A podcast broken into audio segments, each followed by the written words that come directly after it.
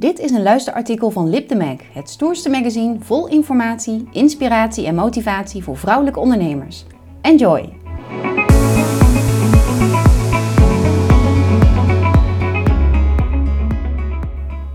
Eindelijk voor jezelf beginnen.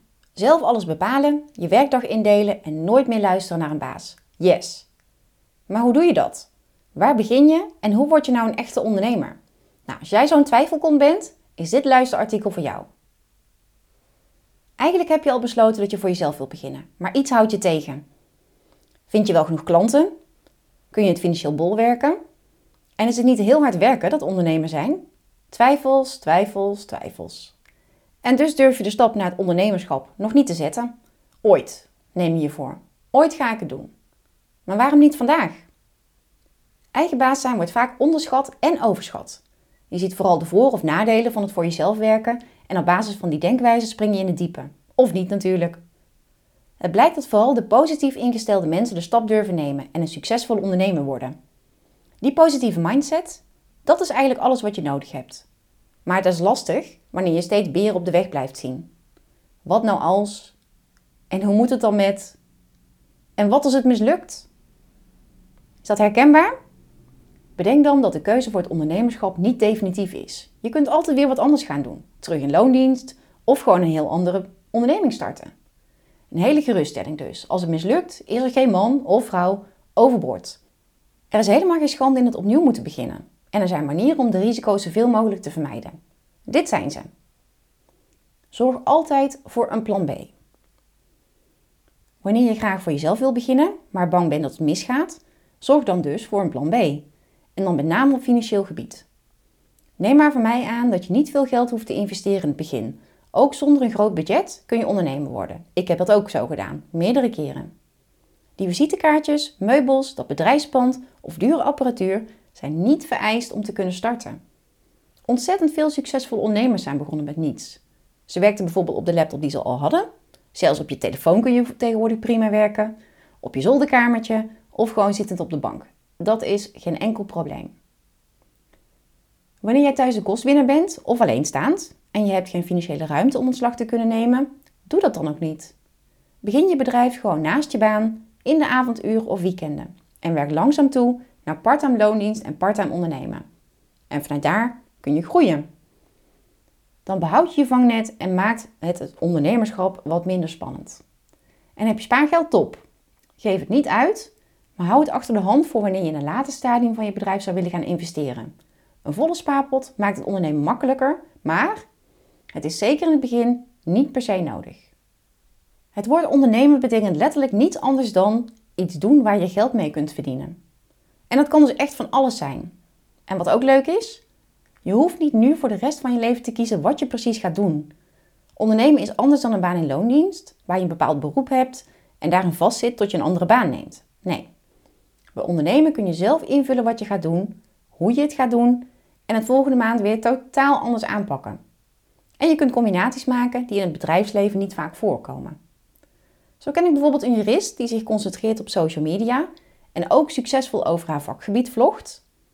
Een eventplanner die jou leert hoe je vaker op vakantie kunt en zelf dus ook continu op vakantie is. En een fotograaf die ook aan coaching doet. Jij beslist zelf hoe je jouw werk samenstelt. En de dingen die je niet leuk vindt of niet goed kan, die besteed je uit aan anderen.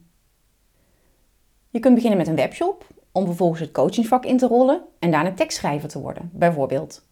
En wat je ook gaat doen, onthoud dus dat je never nooit vastzit aan de keuze voor een vakgebied. Naarmate je je talenten gaat ontdekken en ontwikkelen, kun je altijd weer andere werkzaamheden aan je dienstverlening toevoegen. Sterker nog, dat is wat de meeste ondernemers doen. Bijna niemand begint een bedrijf in iets en doet tien jaar later nog steeds exact hetzelfde. En dat maakt het ondernemerschap dus uitdagend. Het geeft je de ruimte om te dekken wie je bent en geeft je maximale vrijheid. Maar als je het tenminste goed aanpakt. Want die vrijheid, dat is wel een dingetje. Je kent vast wel een ondernemer in jouw omgeving die altijd aan het werk is. Werkweken van 80 uur en nooit op vakantie kunnen zijn geen uitzondering. En dat wil je niet. En terecht. En het hoeft ook helemaal niet als je slimme keuzes maakt. En dat begint met het kiezen van je verdienmodel. Op basis van uurtje factuurtje werken bijvoorbeeld, zorg ervoor dat je jezelf als ondernemer direct vanaf het begin vastzet. Je kunt fysiek maar een bepaald aantal uren werken, want er moet natuurlijk ook geslapen, gegeten en gezorgd worden. Wanneer je dus op uurbasis gaat factureren, bepaalt jouw uurtarief wat je maximale omzet gaat worden. En meer wordt het ook niet, tenzij je je prijzen verhoogt. Je moet werken, anders komt er geen geld binnen.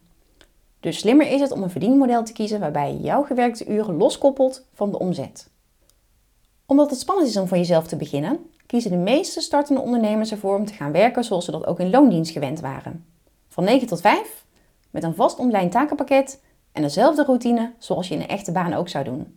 Meestal werken ze op basis van uurtje factuurtje en vragen te lage prijzen omdat ze bang zijn dat ze anders geen klanten kunnen vinden. De grootste fout die startende ondernemers maken, is dat ze hun prijzen vergelijken met een salaris in loondienst. En daardoor stellen ze hun tarief veel te laag vast. Bedenk dat een werkgever veel last betaalt bovenop jouw salaris die jij niet ziet en dat je dat als ondernemer zelf moet betalen. Bijvoorbeeld de reservering van je vakantiegeld, ziektedagen, pensioen, arbeidsongeschiktheid en belasting. Bovendien wil je ook sparen om te kunnen investeren in je bedrijf. Vraag je een laag uurtarief, bijvoorbeeld 25 euro per uur, dan klinkt dat misschien als een hoog bedrag, maar in werkelijkheid hou je minder dan het minimumloon aan over. Nou, dan kun je beter achter de kassa gaan zitten. Ik zeg, ga nooit onder de 60 euro per uur exclusief BTW. En is dat niet haalbaar in jouw vakgebied? Begin dan geen bedrijf. Dat klinkt hard, maar een serieus bedrijf starten en kunnen leven van je omzet, risico's zoals arbeidsongeschiktheid afdekken en sparen voor later, is bijna niet mogelijk als je een lager tarief vraagt. En dat zorgt er weer voor dat je dus altijd aan het werk bent, amper vakantie kunt nemen en nooit ziek kunt zijn. Geen prettig vooruitzicht. Normale tarieven voor ondernemers liggen gemiddeld tussen de 50 euro en 150 euro per uur, afhankelijk van de branche. Maar hogere tarieven dan dat zijn echt geen uitzondering als je heel goed bent in wat je doet. Het goede nieuws is dat je ook in laagbetaalde branches prima een hoger uurtarief kunt hanteren, als je het slim aanpakt.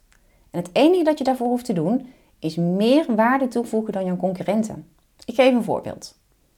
Kappers bijvoorbeeld zijn erom bekend dat ze weinig verdienen. Het lijkt misschien een groot bedrag wat jij betaalt voor een knipbeurt, maar wanneer je dit omrekent in wat er per uur wordt verdiend, is dat vaak veel te weinig om goed van te kunnen leven.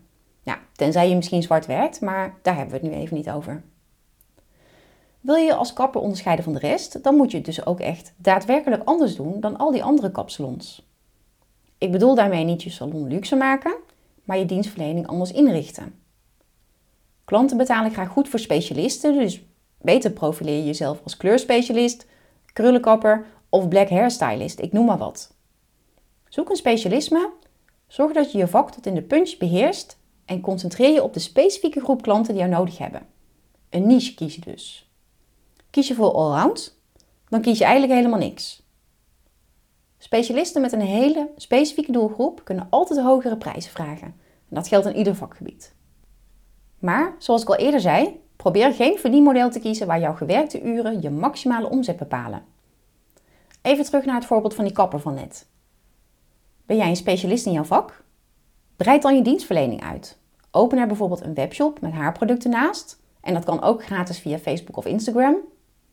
Geef cursussen aan andere specialisten Creëer abonnementen of maak video's hoe je krullend haar het beste verzorgt. Schrijf een boek over je vak. Ga bloggen. Combineer je salon met horeca of winkel. Word spreker of kapper-influencer. Kies iets dat bij je past, maar doe het vooral anders dan al die anderen in Nederland. En verdien je geld dus ook op meerdere manieren dan alleen maar met die schaar. Daardoor spreid je risico's, houd je het vak uitdagend vergroot je expertstatus en dus ook je omzet. En je krijgt meer vrijheid. Kortom, wil jij voor jezelf beginnen?